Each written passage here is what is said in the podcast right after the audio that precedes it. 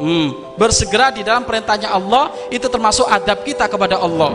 Kalau dengar suara adzan Allahu Akbar Allahu Akbar berhenti para tukang. Ayo kita ngadep kepada Allah. Lo ini adab akhlak nilai plusmu di hadapan Allah ya ini. Hmm? nilai plusmu di hadapan Allah gitu. Allahu Akbar Allahu Akbar.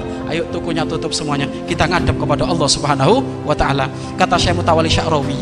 Hei Jangan pernah kamu mengambil kesuksesan dunia dengan cara engkau meremehkan perintah Allah. Gak bakal kamu menemukan kesuksesan dunia.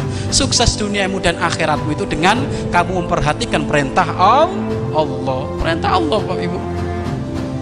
Lagi panen, Allahu Akbar, Allahu Akbar. Stop dulu panennya. Ayo kita ibadah kepada Allah Subhanahu wa taala orang tua kami, ya. Jadi situ Bapak Ibu. Nah, itu itu termasuk adalah keberkahan Bapak Ibu, ya. Bersegera